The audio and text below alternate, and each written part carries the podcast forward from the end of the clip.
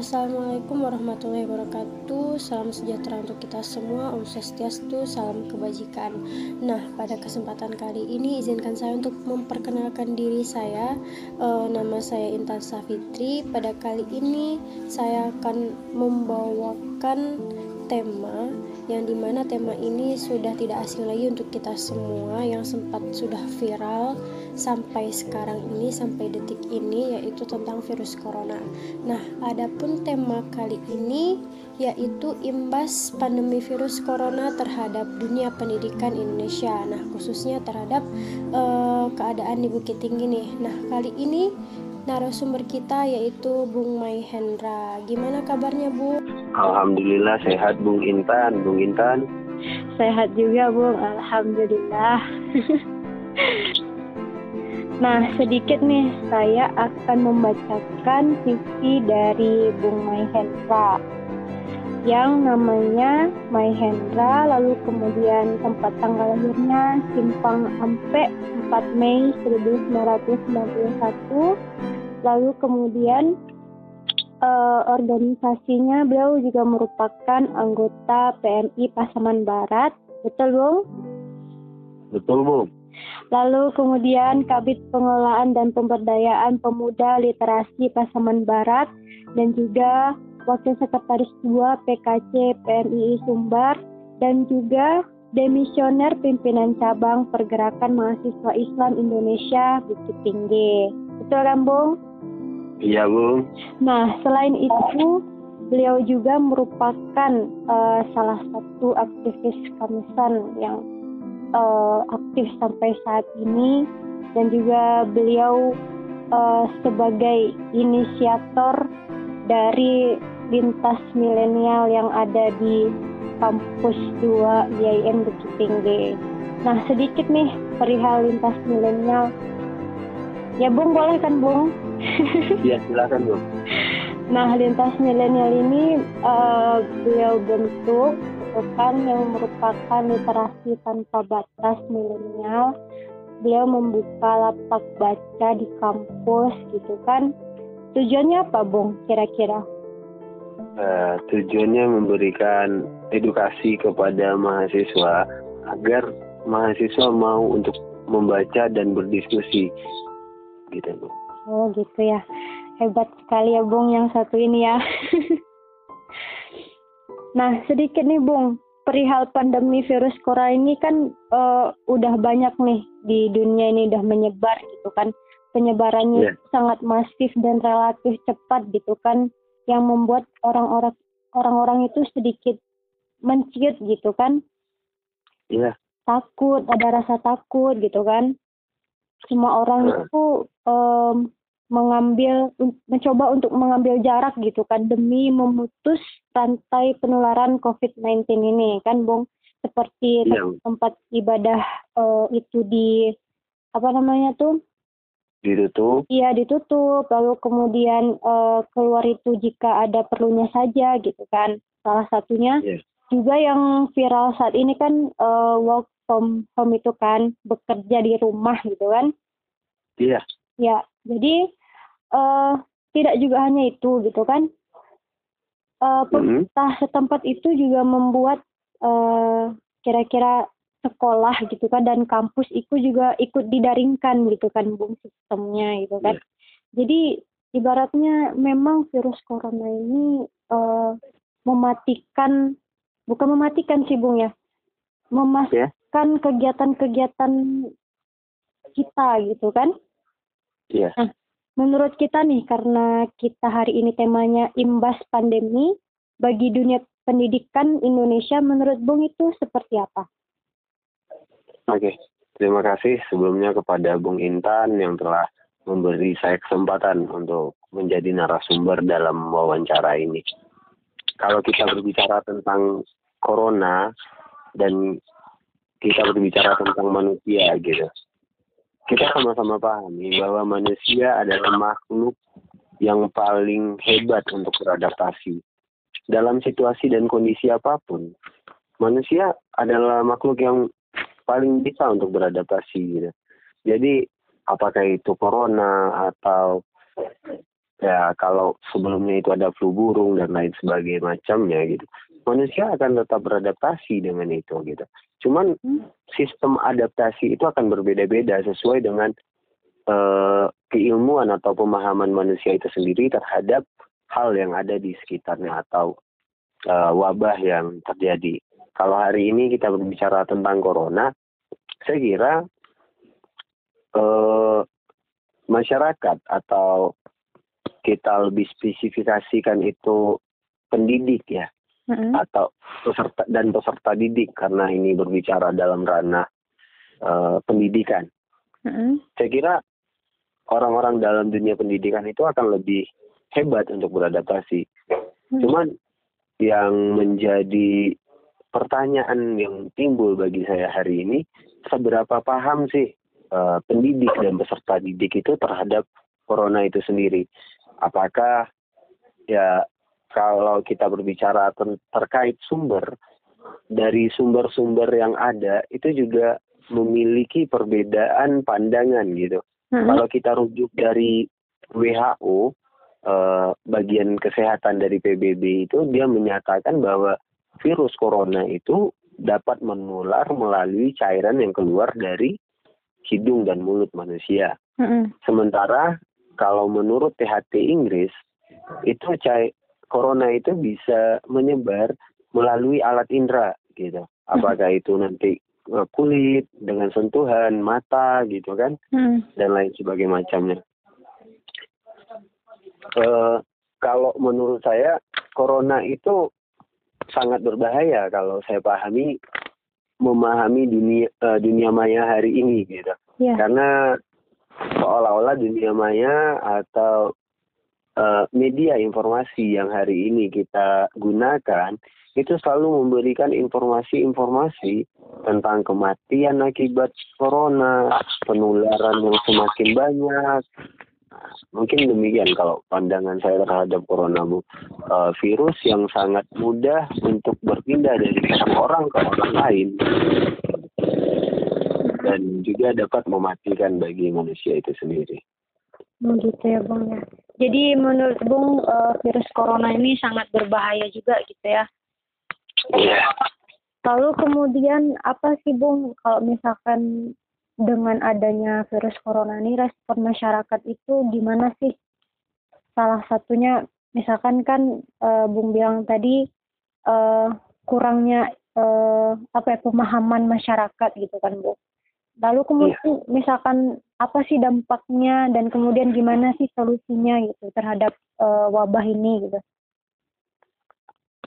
Oke, kalau kita berbicara tentang uh, gimana sih masyarakat menanggapi hal ini, ya itu kembali lagi kepada masyarakat itu sendiri. Seberapa paham mereka dengan corona itu tadi. Uh, kalau kita bagi sebagian masyarakat yang memahami corona, mungkin mereka bisa beradaptasi gitu. Hmm. Mereka bisa menjaga jarak, mereka bisa mencuci tangan, menggunakan hand sanitizer dan lain sebagainya macamnya. Cuman kebetulan beberapa waktu yang lalu kita dan beberapa dan beberapa orang mencoba membuat sekolah, hmm. sekolah untuk di masyarakat. Ya ini apa ya? komunitas kecil-kecilan gitu kita hmm. bentuk Republik Mimpi. Oh. Di dalam Republik Mimpi ini kita ingin menyentuh anak-anak yang di kawasan pemulung di Kota Bukit Tinggi gitu. Kita melihat di sana rendahnya angka pendidikan. Uh, karena kalau saya boleh sampaikan juga di sini bahwa ada 24 kakak pemulung di Kota Bukit Tinggi khususnya di yang di Aur itu di antara 24 kakak itu hanya satu orang yang tamat SMP, mm-hmm. dua orang, tiga orang tamat SD dan yang selainnya itu masih SD dan tidak pernah sekolah sama sekali. Bahkan kalau teman-teman sempat atau ibu-ibu, bapak-bapak sempat ke sana boleh lihat bapak-bapak, ibu-ibu akan temukan anak di usia belasan tahun atau orang tua yang buta huruf gitu. Hmm. Uh, jadi ya ini mungkin sesuai saya sampaikan di sini karena juga berbicara terkait dengan dampaknya terhadap dunia pendidikan. Jadi kalau khususnya di sana kebanyakan mereka nggak paham corona itu bahaya gitu. Karena faktor mereka nggak paham itu pertama saya kurang lebih dua bulan di sana udah ngajar uh, itu saya nggak pernah melihat masyarakat di sana itu yang memiliki Android gitu kita sama-sama pahami bahwa media media yang paling masif hari ini uh, apa ya informasi yang paling mudah kita dapatkan terkait corona atau hal-hal yang terjadi di dunia ini salah satu medianya adalah Android gitu. Hmm. Tapi karena keterbatasan mereka yang nggak mampu mungkin untuk membeli Android dan lain sebagainya macamnya lah, uh, itu membuat mereka agak sedikit apa ya, memandang corona itu nggak terlalu wah gitu. Ya mungkin karena ketidaktahuan itu tadi. Yeah. Iya. Uh, dan di sana juga ada uh, ini uh, masyarakat, anak-anak masyarakat yang bersekolah itu ada yang SMP dua orang dan ada sekitar belasan orang yang sekolah SD. Karena nggak satu pun dari warga masyarakat itu yang memiliki Android, kan kalau hari ini sekolah siswa-siswa sekolah itu tugasnya diberikan guru melalui Android kan? Hmm. Nah, kebetulan di sana itu karena nggak ada Android ya anak-anak di sana nggak belajar hari ini hmm. dari sekolah khususnya. Jadi dari pihak sekolah itu apakah memaklumi atau bagaimana atau ada solusi yang lain gitu, Bung? Ya, kalau sampai hari ini yang saya ketahui gitu, hmm, mereka mencoba kalau ini bagi masyarakat ya, hmm. mencoba mencari info-info tugas kepada teman-teman mereka yang di luar pemukiman pemulung itu. Kalau dari sekolah sendiri itu saya belum lihat apakah itu sekolah memberikan kopian soal ke sana. Mm-hmm. Saya belum lihat kalau ada hal tersebut gitu. Hmm, gitu ya. Lalu kemudian eh, jikalau pendidikan yang di sana itu memang apa tadi namanya Bung Republik Mimpi ya? Republik Mimpi. Iya. Jadi di situ uh, dari kebijakan pemerintah setempat itu gimana gitu untuk menerapkannya gitu. Sedangkan di apa Republik Mimpi ini bisa dikatakan kan dia berkumpul-kumpul gitu kan, Bung. Oke. Okay. Ya, kita memahami uh, bagi penggerak Republik Mimpi kita memahami protokoler kesehatan, kita memahami bahayanya corona gitu. Mm-hmm. Memang hari ini kita memiliki siswa kurang lebih itu sekitar 30 orang. Mm-hmm. Dalam sistem pendidikan atau pembelajaran yang kita lakukan, kita bagi itu sekitar 4 sampai 6 kelompok setiap harinya. Mm-hmm. Jadi otomatis ntar satu kelompok itu cuman 3 sampai 5 orang gitu. Mm-hmm. Jadi 3 sampai 5 orang itu kita belajar di alam. Mm. Kita tetap jaga jarak, walaupun mereka nggak tahu apa ya nggak memahami corona itu bahaya kita tetap sampaikan kalau protokoler kesehatan kita harus jaga jarak kita harus cuci tangan walaupun tidak satu pun rumah dari 24 kakak itu yang memiliki uh, tempat pencuci tangan yang disediakan di depan rumah mereka. Itu karena keterbatasan uh, ini bu karena keterbatasan uh, ekonomi masyarakat juga sih sebenarnya Hmm. Lalu kemudian kalau misalkan memang ada keterbatasan ekonomi gitu, memang pemerintah setempat itu tidak mengambil andil gitu. Gimana uh, misalkan uh, waktu dampak uh, corona ini kan salah satunya kan dalam ekonomi sektor ekonomi kan ada juga kan Bung gitu. Solusinya itu gimana dari pemerintah setempat itu? Ya, kita sama sama-sama mengetahui kalau negara hari ini memang mengeluarkan dana yang besar untuk bantuan kepada masyarakat terkait uh, di tengah virus pandemi COVID-19 ini. Hmm. Cuman kita kan sama-sama ketahui kalau banyak terjadi permasalahan dalam pembagian bantuan tersebut. Hmm. Uh, salah satunya itu pembagian yang tidak merata gitu. Hmm. Dan kalau saya boleh sampaikan itu dari 24 kakak pemulung yang ada di sana itu tidak sampai 20 persen mereka menerima bantuan gitu. Ya kalau bagi mereka mereka ketika kan kita uh, dari relawan Republik Mimpi itu kita memahami uh, bahaya corona dan kita juga sampaikan tapi jawaban dari masyarakat di sana ya ini kami nggak kerja, kami nggak makan, kami akan mati. Kalau kami takut corona, kami di rumah aja, ya kami mati. Kena corona, kami mati gitu. Jadi mereka akhirnya ya lebih memilih tetap memulung, mereka memungut sampah gitu.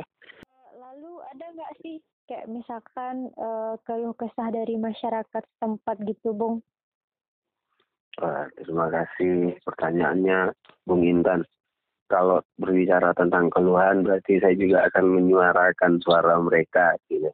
Yeah. Ya mungkin uh, seperti ini ya, bukan yang disampaikan oleh masyarakat di sana itu ketika kita udah berikan edukasi terkait bahaya corona, jawaban mereka kalau kami nggak mulung, kami mati kelaparan kalau kami takut corona, kami nggak makan di rumah gitu.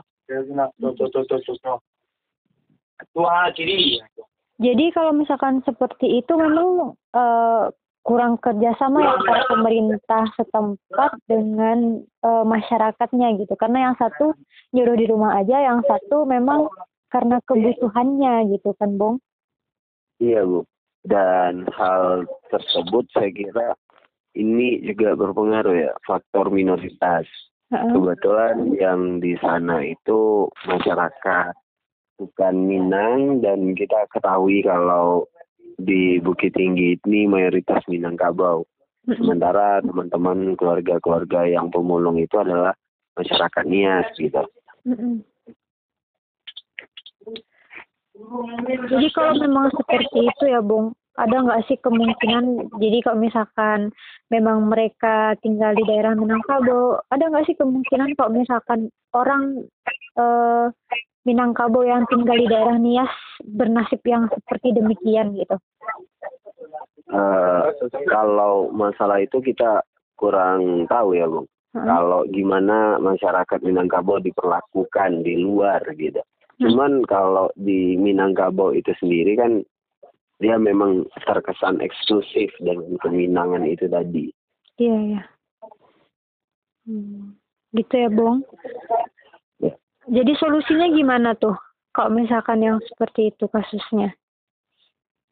Uh, bagi kami yang hari ini kita lakukan, kita tetap berikan edukasi dan edukasi selalu kepada masyarakat agar mereka bisa walaupun mereka beraktivitas, mereka mm-hmm. bisa menjalankan protokoler kesehatan itu harapan kita gitu. Yeah. Dan untuk membantu perekonomian masyarakat, kita juga melakukan upaya untuk mengajak donatur-donatur, hmm. apakah itu swasta atau pribadi gitu atau yayasan untuk masuk ke sana hari ini kita udah bawa beberapa yayasan yaitu seperti Zarmaina Samin yang ada di Kota Bukit Tinggi. Mm-hmm. Uh, ya gerakan mahasiswa kemarin itu satu dunia kita juga beri sembako ke sana. Mm-hmm. Kemarin kita juga ajak uh, eh, CSO be- uh, besar di Indonesia filantropi itu gabungan dari Gus Durian, mm-hmm. kitabisa.com, dan beberapa CSO CSO lainnya gitu. Hmm. Jadi intinya gimana kita untuk memanusiakan manusia gitu ya, Bung. Apa pun agamanya gitu kan? Ya, Bu. Nah, kita balik lagi nih kalau misalkan dari uh, pendidikannya gitu kan. Uh, kalau misalkan dampak uh, negatif atau positif nih yang bisa Bung sampaikan terhadap pendidikan tuh apa aja sih? Terkhususnya di daerah Bukit Tinggi gitu ya. Oke, okay. kalau kita berbicara tentang dampak positif terhadap dunia pendidikan hari ini, ya positifnya kita bisa belajar di mana aja dan kapan aja. kita cuman yang penting kita ada gadget kita bisa belajar gitu Hmm. jadi eh, kalau hari ini sih saya kira pengeluaran itu eh, sangat apa ya kalau teknologi itu berkembang kan eh, pengeluarannya akan semakin menipis. Seperti hari ini sepatu sekolah mungkin eh, kita nggak perlu beli lagi gitu. Iya. karena kita nggak ke sekolah. Kalau kita hitung satu tahun itu kita mungkin menghabiskan satu dua pasang sepatu sekolah gitu kan. Heeh. dan biaya-biaya untuk transportasi itu berkurang Mm-mm. dan itu sangat menguntungkan bagi masyarakat menengah ke bawah gitu Hmm. tapi kalau kita berbicara terkait dampak negatif itu hari ini saya melihat kurangnya pemahaman pelajar terhadap materi atau bahasan pendidikan yang diberikan kepada mereka karena materi itu yang diberikan hanya melalui media dan yang kedua kebanyakan hari ini yang saya lihat itu eh, siswa atau pelajar itu hanya dikasih tugas disuruh untuk menyelesaikan tugas-tugas gitu. Hmm. Sementara untuk materi itu sangat terbatas. Dan satu lagi kalau menurut saya sih pendidikan itu kita nggak hanya berbicara tentang kecerdasan ya di dalam pendidikan itu juga ada pembentukan nilai-nilai Iya. norma moral akhlak gitu kan Mm-mm. dan itu nggak saya rasa nggak tercapai nggak bisa dicapai dengan sistem pendidikan DR seperti yang eh, dilakukan hari ini gitu Gitu ya.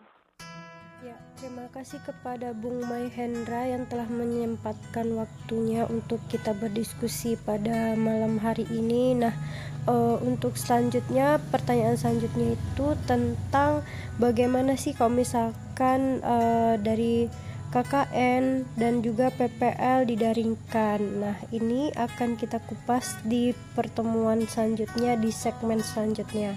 Tetap bersama saya Intan Safitri. Wassalamualaikum warahmatullahi wabarakatuh. Salam sejahtera untuk kita semua. Salam kebajikan.